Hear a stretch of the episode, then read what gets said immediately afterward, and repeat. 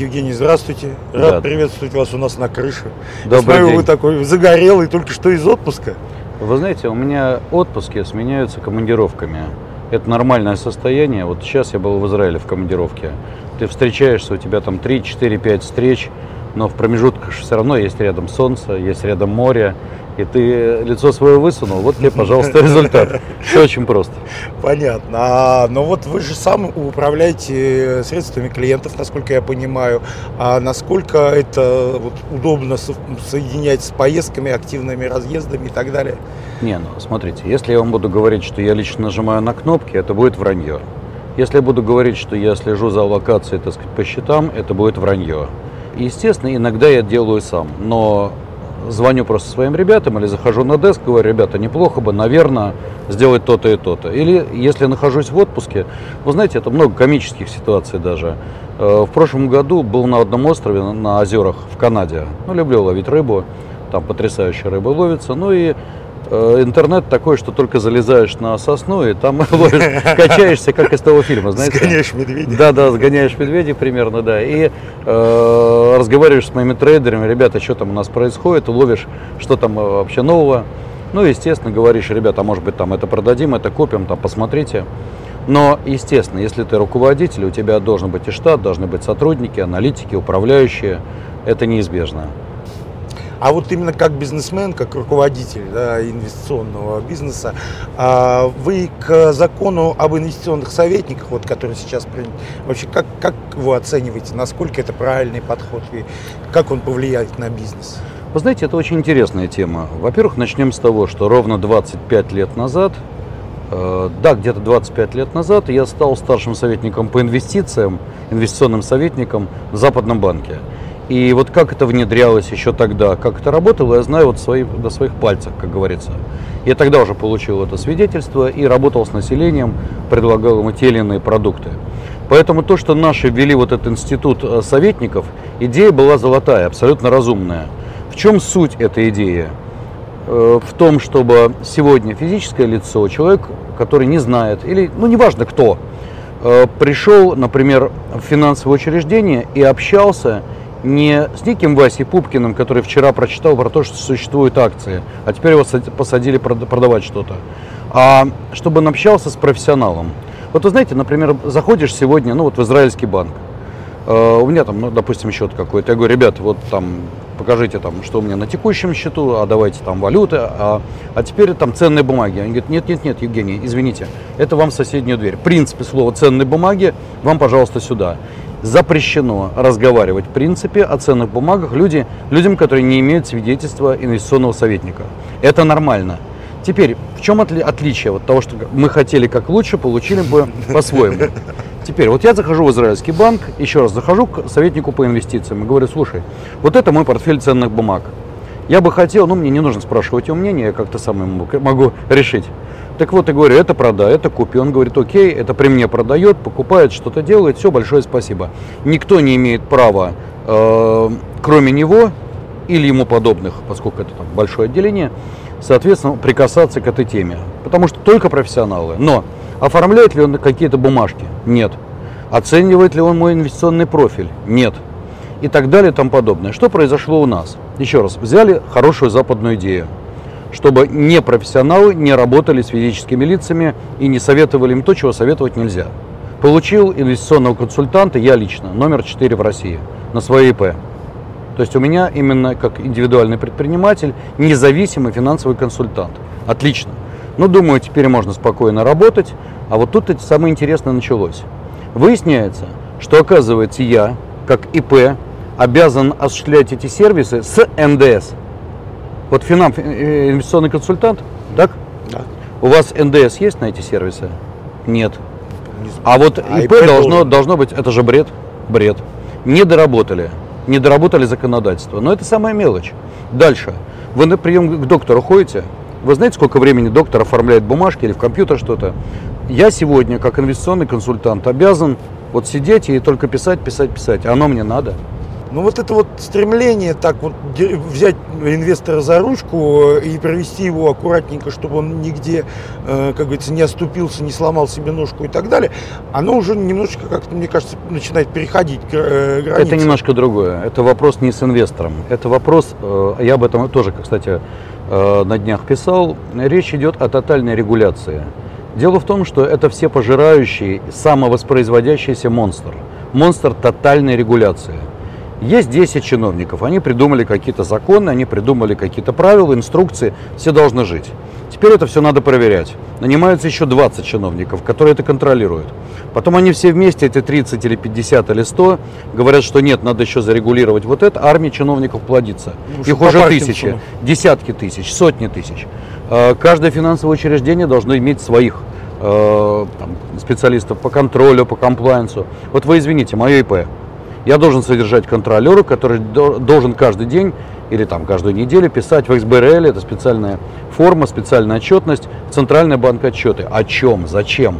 Ребята, что вы делаете? То есть, грубо говоря, вот эта вот регуляция, регуляция и регуляция, вот этот вот комплайенс, комплайенс KYC и прочее, прочее, прочее, дошло уже просто до ручки, когда в итоге мы берем э, и выплескиваем, так сказать, вместе с водой ребенка мы уже начинаем регулировать все, что не нужно регулировать, и то, что мешает. В итоге, вы знаете, вот я себе на секундочку представляю, у меня есть товарищ, он сказал, слушай, мне нужна консультация твоя по бандам. Я тут продал квартиру и э, хотел бы инвестировать деньги в некие банды. Ты можешь мне помочь? Я говорю, конечно, договорились. Слушай, говорю, у меня к тебе просьба. Ты будешь у меня вот официально вот такой вот первый красивый клиент. Можно я на тебе потренируюсь? Когда мои юристы составили вот этот ворох бумаг, который должен оформлять, и у него, и у меня просто челюсти отвесли. Понимаете? Но хорошо, я это все сделаю. Но я себе задаю вопрос, хорошо, это мой товарищ, он стоически все выдержит, потому что я его попросил. Но если придет человек с улицы, будет ли он это терпеть? Не проще ли ему сказать, слушай, что там сделать, скажи просто. Понимаете, ну то есть, вот хотели как лучше, получили огромную громоздкую систему. Правильно ли это? Я не уверен. И это уже не защита об инвесторе, это уже э, работа на поддержание самой системы. Вот как-то так. Ну вот еще один сейчас горячий обсуждаемый да, закон это о квалификации инвесторов, соответственно, и об ограничении доступа к тем или иным определенным инструментам. Вы как считаете, будет это работать и как это отразится на рынке в целом? Ну, смотрите, там я бы аспект разделил на две части. Вот истина где-то посередине. Брокеры говорят, что ужас-ужас, это убьет российский рынок, это не даст возможность работать. Регулятор говорит, что, ребята, слишком большие риски и так далее. Рынок это, разумеется, не убьет. Но ликвидность в определенных сегментах, да, понизит. Да, это правда. А, нужно ли это делать? Вы понимаете, какая штука? Это вопрос очень философский. Я поясню. Если бы наш фондовый рынок – был действительно тем рынком, который мы хотим иметь, если бы у нас философски была вот эта парадигма капитализации, что это такое? Вот мы с вами затеяли какой-то бизнес. Мы с вами решили создать э, компанию, Потом э, нам нужны инвестиции, мы выкинули акции на биржу, сделали IPO, привлекли денег, вложили там в новое производство, расширили и так далее. Наша задача рост капитализации, потому что капитализация для нас это collateral, то есть это обеспечение наше. Мы можем привлечь еще кредиты. Чем больше капитализация, тем больше мы можем расширить объем кредитования, больше у нас залогов. С другой стороны, мы можем провести SPO, еще привести денег.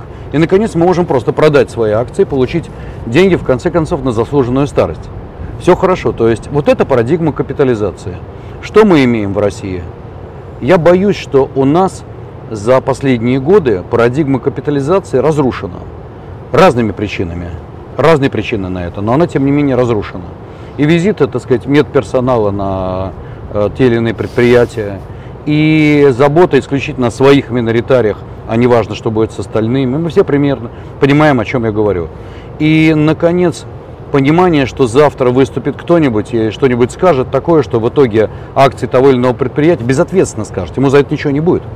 Э, упадут на десятки процентов, и люди потеряют деньги. Понимаете, ну о какой парадигме капитализации мы говорим? Сегодня я разговариваю с многими собственниками бизнеса, они мне признаются, что сегодня им не интересно работать на капитализацию. На денежный поток – да, на капитализацию – нет. Тогда возвращаемся к вашему вопросу. Смотрите, если бы у нас фондовый рынок был интересный и все бы работали на капитализацию, я бы говорил, ребят, ну в конце концов у нас большая страна, много предприятий. Ну, не хочется бы, так сказать, чтобы вы инвестировали за границу. У нас есть масса заводов, давайте инвестируйте сюда, мы развиваемся. Темпы роста нижайшие. А, я не уверен, что я могу рекомендовать уверенно людям, возьмите те или иные предприятия. Мне же интересно, недооцененные предприятия с понятной идеей, почему они будут дороже. Недооценка, да, сегодня существует. Идея, почему они будут дороже, творческие. Вот, собственно, и все. Поэтому, смотрите, когда мы ограничиваем право инвестора на приобретение иностранных ценных бумаг, мы, в общем-то, ограничиваем его свободу выбора и не даем ему альтернативы. Мы ему подсовываем тот рынок, который спорно имеет ли шансы на капитализацию только за счет недооценки. Но там же должны быть и темпы роста экономики. Предприятие растет тогда, когда вся экономика растет. Вот запустим нормальный маховик развития экономики, тогда давайте поднимать капитализацию, тогда будет интересно. А сегодня? И получается, что мы рекомендуя или затаскивая инвесторов исключительно наш рынок, хотим как лучше. А по итогам получается, что он имеет высокий шанс не заработать, а еще и потерять. Вот, собственно, и все. Ну, сейчас вот э, политика дивидендная у крупных компаний очень сильно пересмотрена, так скажем, в пользу клиентов. Да? А, ну и, в общем-то, недооцененность, она все-таки действительно э, достаточно серьезная. Как вы вообще смотрите на перспективы российского рынка? Вот без относительно того, мы, о чем мы говорим, да, без, э, без относительно роста экономики, э, имеет смысл еще сейчас инвестировать в российские акции или... Вы знаете, я веду, вот у меня есть э, бесплатный канал публичный, там порядка 55 тысяч подписчиков. Есть у меня э, такой закрытый сервис, платный канал, где я веду различные портфели. И индекс РТС у меня в агрессивном портфеле аж на 15%. Да, пока я его держу, пока я вижу причину э, роста именно дивидендная составляющая, да, пока этот э, актив оправдывает себя, я его держу где-то с мая, там плюс. Но вы знаете, я вам откровенно скажу, я не убежден, что это инвестиция надолго. Это первое. Второе, мы понимаем прекрасно, что будет хорошо на всех площадках мировых, будет неплохо и на российском рынке. Какого-то особенного драйва, кроме недооценки, я не вижу. Высокая дивидендная составляющая, да. Но от чего она высокая? От того, что дешевые акции. А дешевые акции от чего? Возвращаемся к истокам нашего ну, разговора, понятно, к медперсоналам. Ну, некоторые даже смотрят на большие дивиденды как на недостаток акций, потому что, собственно, вместо того, чтобы направлять средства на развитие, компании их э, выплачивают. Ну, вы знаете, это тоже это проблема нашей экономики, недостаток инвестиций. Опять же, а почему бизнесмен не хочет инвестировать? Ну, потому что он понимает чаще всего, если мы не берем госкорпорации, что он проинвестирует, будет вкладываться, развиваться, а потом, а потом все будет по-российски. Евгений, насколько я понимаю, вы предпочитаете вот агрессивные спекулятивные стратегии, да? но а вот насколько это опасно, особенно когда речь идет о деньгах клиентов? Ну, первое, у меня нет такого понятия вот на, на деньгах клиентов, что я предпочитаю агрессивные стратегии или предпочитаю какие-то спекуляции. Понимаете, проблема в том, что мне уже 54 года. И, как говорил царь Соломон, и это проходит, и это прошло. И мне сегодня гораздо спокойнее когда я по консервативной, хорошей стратегии нахожу интересные банды, и люди зарабатывают свои гарантированные, ну как гарантированные, в том плане, что более спокойные. Гарантированные у нас инвестиции полтора процента годовых, и то с какой-то долей риска. Так вот, люди зарабатывают свои относительно спокойные 6, 7, 8 процентов в долларах, что тоже у меня иногда бывает. Кстати, у меня вот консервативный портфель, вот, который я веду здесь, показывает порядка где-то 7 годовых. Ну, нормально, я очень даже доволен в долларах. Очень доволен. А вот э, в своих э, блогах вы, ну, может быть, мне так показалось, э, очень концентрируетесь именно на рисках, да, на том, чего опасаться и так далее. Это потому что эта тема более горячая, более популярна у читающей аудитории, или вы действительно так смотрите на рынок? Э... Вы знаете, у нормального профессионального еврея чувство э, риска всегда обостренное. Понимаете, эта генетическая память всегда где-нибудь вспоминается, что где-нибудь когда-нибудь били, поэтому хочется быть э, более защищенным. Это врожденное чувство риска. Это я, конечно, шучу, но тем не менее. Это первое. Второе. Э, мы живем в неспокойное время. И понимаете, как человек, который в своей жизни пережил не один, и не два, и не три кризиса, я знаю, что бывает. И я не хочу повторения.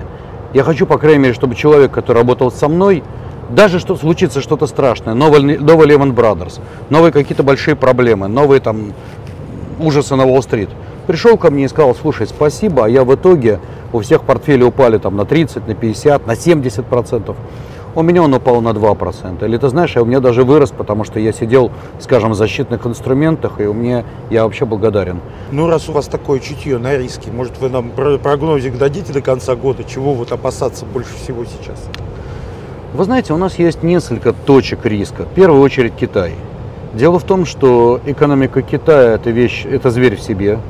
Вот эта доп. эмиссия, которая беспокоит американцев, это ведь не просто не на пустом месте. А, этот риск, огромные долги домашних хозяйств, которые растут в арифметической, если не сказать геометрической прогрессии именно домашних хозяйств китайцев. Это большой долг. Вообще мировой долг растет очень хорошо. Но меня не волнует, если честно, долги государств. В конце концов напечатают валюты, в конце концов решат проблемы. Это не самое страшное. Э, самое страшное это долги домохозяйств.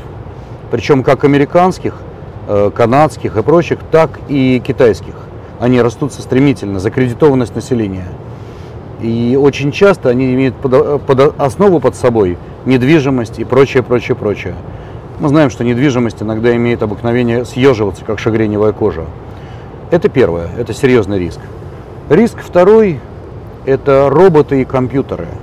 Понимаете, дело в том, что сегодня, вот вам, Финаму, очень легко это понять, сегодня огромную часть оборота на биржах делают роботы – Роботы настроены таким образом, что иногда может наступать массовый сбой, массовое помешательство. Мы понимаем, что это такое, когда роботы все настраиваются на продажи массовые, это может привести к неприятным последствиям. Более того, мы видели два или три случая подобных вещей уже в недавнем прошлом.